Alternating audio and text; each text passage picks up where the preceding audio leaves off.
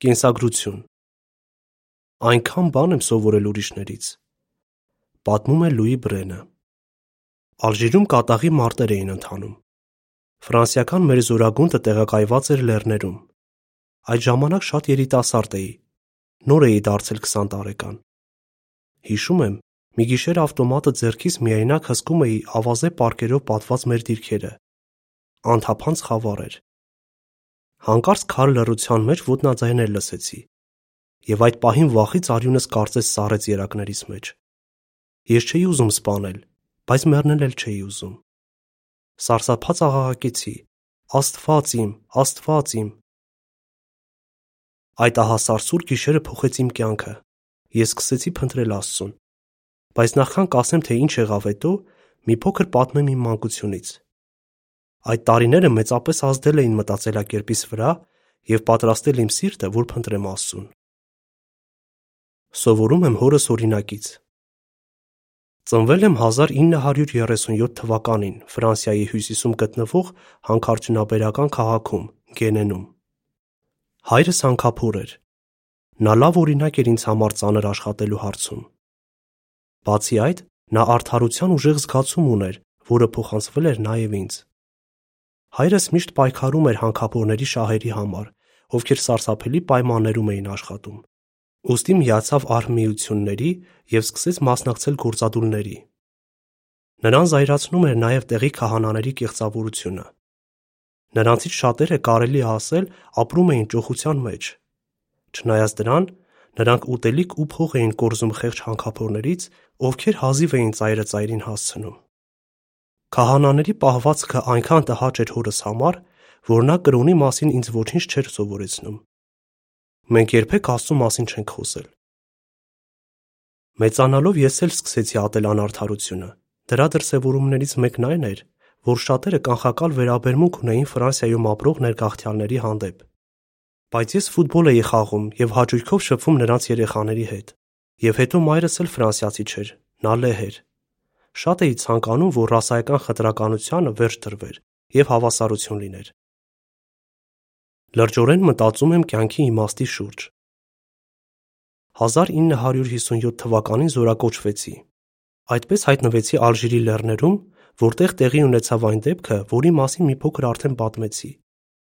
Աստված իմ, Աստված իմ աղաղակելուց հետո դեմարտեմ հանդիպեցի ոչ թե թշնամուն, այլ մի վայրի ավանակի։ Սիրտս տեղն ընկավ։ Այդ դեպքը, ինչպես նաև պատերազմը մղեցին ինձ մտածելու հետևյալ հարցերի մասին.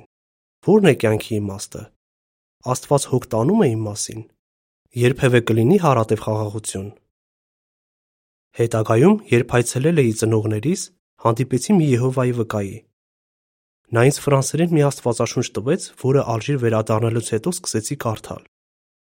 Ինչ շատ տպավորեցին հայտնություն 21-ի 3 եւ 4 համարները։ Այնտեղ գրված է. Ահա Աստծո խորանը մարդկանց հետ է, եւ նա կսրբի ամեն արտասուք նրանց աչքերից, եւ մահ այլևս չի լինի, ոչ սուկ, ոչ աղաղակ, ոչ ցավ այլևս չեն լինի։ Առաջին անգամ էի այդպիսի բան կարդում։ Մտածում էի, հնարավոր է արդյոք նման բան։ Այդ ժամանակ գրեթե ոչինչ չգիտեի Աստծո եւ Աստվածաշնչի մասին։ 1959 թվականին զորացրվեցի եւ հանդիպեցի Ֆրանսուଆ անունով մի վկայի։ Նա ինձ սուրբգրային շատ ճշմարտություններ սովորեցրեց։ Ֆրանսուան Աստվածաշնչից ինձ ցույց տվեց, որ Աստծո անունը Եհովա է։ Նա նաև բացատրեց, որ Եհովան վերացնելու է անարդարությունը, երկիրը դրախտի է վերածելու եւ իրականացնելու է հայտնություն 21-ի 3 եւ 4 համարներում գրվածը։ Աստվածաշնչյան այս ուսմունքները շատ տրամաբանական էին եւ դրանք սրտիս հասան։ Ես նաև մեծ բարկությամբ լծվեցի քահանաների հանդեպ եւ ուզում էի բոլորը իմանային, որ նրանց սովորեցրածները Աստվածաշնչյան հիմք չունեն։ Ես դեռ հորս պես էի մտածում, եւ ուզում էի պայքարել անարդարության դեմ։ Անհամբեր էի, անհապաղ ուզում էի մի բան անել։ Ֆրանսուան եւ իմ մյուս վկա ընկերները օգնեցին ինձ զսպել բարկությունս։ Նրանք բացատրեցին, որ որպես քրիստոնյա մեր նպատակը ոչ թե դատելն է, այլ բարի լուրի միջոցով մարդկանց ապագայի հույս տալը։ Այդպես է վարվել Հիսուսը եւ իր հետևորդներին հանձնարարել է նույնն անել։ Ես պետք է նաև սովորեի մարդկանց հետ խոսել բարությամբ եւ նրբանկատորեն, անկախ նրանց հավատալիքներից։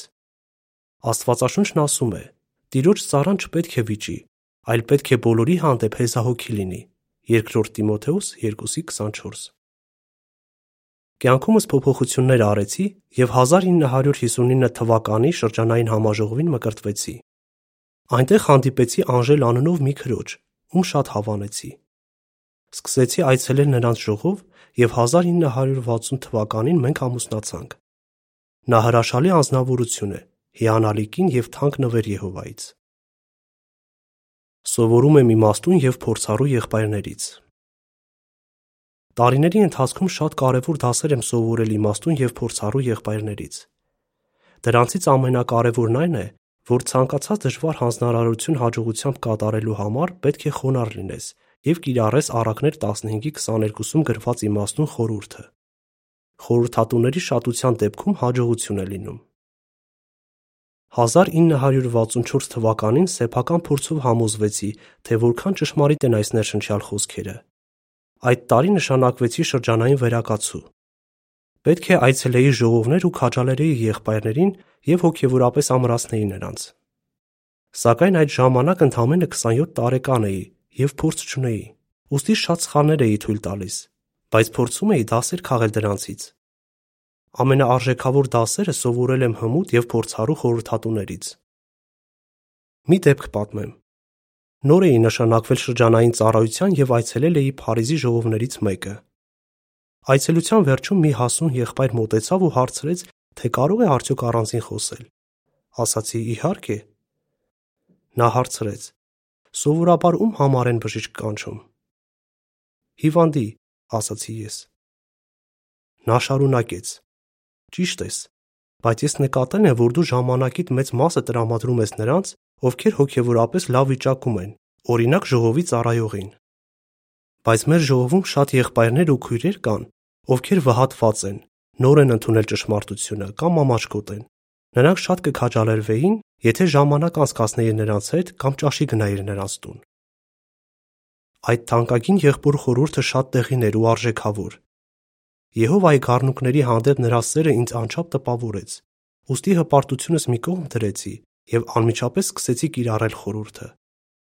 Եհովային միշտ շնորհակալություն եմ հայտնում նման եղբայրների համար։ 1969-ին եւ 1973-ին Կոլոմբում, Փարիզ, երկու միջազգային համաժողով տեղի ունեցավ, որոնց ժամանակ ինձ հանձնարարել էին վերահասկել սննդի սպասարկման բաժնի աշխատանքը։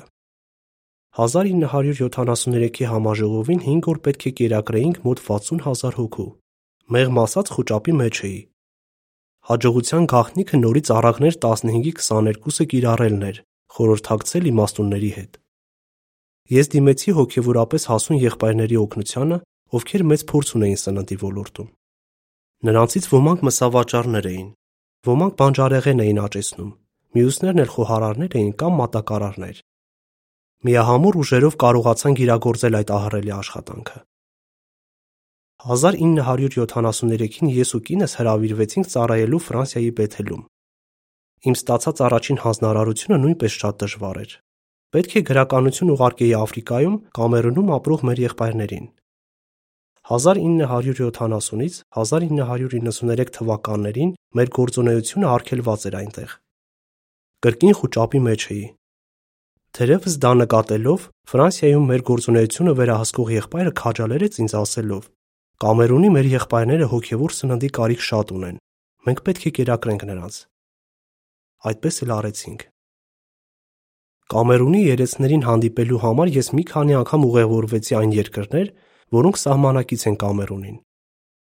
Այդ քաջ ու իմաստուն եղբայրները օգնեցին ինձ կերպեր գտնել հոգևոր սնունդը կանոնավորաբար Կամերուն հասցնելու համար։ Եհովան օրհնեց մեր ջանքերը, Մոտ 20 տարի շարունակ այդ երկրում չի եղել անգամ մի դեպք, որ Եհովայի ժողովուրդը չունենա դիտարանի եւ ամեն ամիս լույս տեսնող մեր թակավորական ծառայությունը թերթիկի որևէ թողարկում։ Սովորում եմ իմ թանկագին կնոջից։ Մեր ընկերության հենց սկզբից նկատեցի, թե ինչ հոգևոր անznավորություն է Անժելը։ Ամուսնությունից հետո նրա լավ հատկությունները ավելի ակնհայտ դարձան։ Մեր հարսանիքի օրը երեկոյան Նա ինձ խնդրեց աղոթքով հայտնել Եհովային, որ որպես ամուսնական զույգ ցանկանում ենք լիարժեքորեն ծառայել իրեն։ Եհովան պատասխանեց այդ աղոթքին։ Անժելը ինձ օգնել է ավելի շատ վստահել Եհովային։ Օրինակ 1973-ին, երբ մեզ հրավիրեցին Բեթել, ես չէի ուզում գնալ, քանի որ շատ էի սիրում շրջանային ծառայությունը։ Բայց Անժելը ինձ հիշեցրեց, որ մենք մեր կյանքը նվիրել ենք Եհովային, ուստի պետք է անենք այն, ինչ նրա կազմակերպությունը խնդրում է մեզանից։ Միթե կարող էի չհամաձայնվել նրա հետ։ Այդպես գնացինք Բեթել։ Մեր ողջ համատեղ կյանքի ընթացքում կնոջս խոհեմությունը, ողջամտությունը եւ հոգեվոր մտածելակերպը ամրացրել են մեր ամուսնությունը եւ օգնել ճիշտ որոշումներ կայացնել։ Մինչ օրս Անժելը շարունակում է հիանալի կին լինել եւ ամեն ինչում աջակցել ինձ։ Նա ինձ շատ է օգնել նոր լեզու սովորելու հարցում։ Քանի որ աստվածապետական դպրոցների մեծ մասը անգլերենով է անցկացվում, դրանց մասնակցելու համար սկսեցինք բարելավել մեր անգլերենը։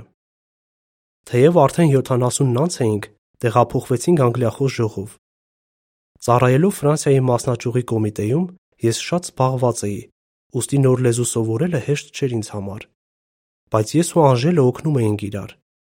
Հիմա մենք 80-ն անց ենք եւ շարունակում ենք ժողովի հանդիպումներին պատրաստվել թե անգլերենով, թե ֆրանսերենով։ Մենք նաև աշխատում ենք հանդիպումների ժամանակ հնարավորինս ակտիվ լինել եւ փորձում ենք ժողովի հետ հաճախ մասնակցել ծառայությանը։ Եհովան օրհնել է անգլերեն սովորելու մեր ջանքերը։ 2017 թվականին Եհովան յուրահատուկ կերպով օրհնեց մեզ։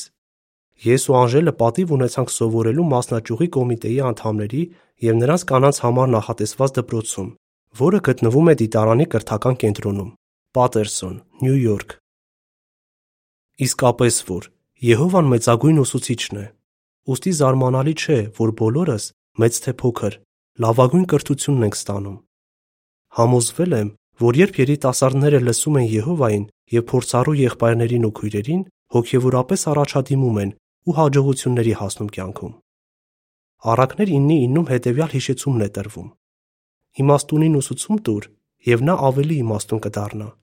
Արթարին գիտելիքներ տուր, եւ նա ավելի շատ բան կսովորի։ Երբեմն հիշում եմ այն մութ գիշերը Ալժիրի լեռներում։ Դա մոտ 60 տարի առաջ էր։ Այդ գիշեր չէի էլ կարող պատկերացնել, թե ինչ հիանալի կյանք էր ինձ սպասում։ Այնքան բաներ եմ սովորել ուրիշներից։ Եհովայի շնորհիվ ես ու Անժելը հրաշալի եւ իմաստալից կյանքով ենք ապրել։ Ոստի վճռել ենք, որ երբեք չենք դադարելու սովորել մեր երկնային հորից եւ նրան սիրող մեր իմաստուն ու փորձառու եղբայրներից ու քույրերից։ Հոդվացի ավարտ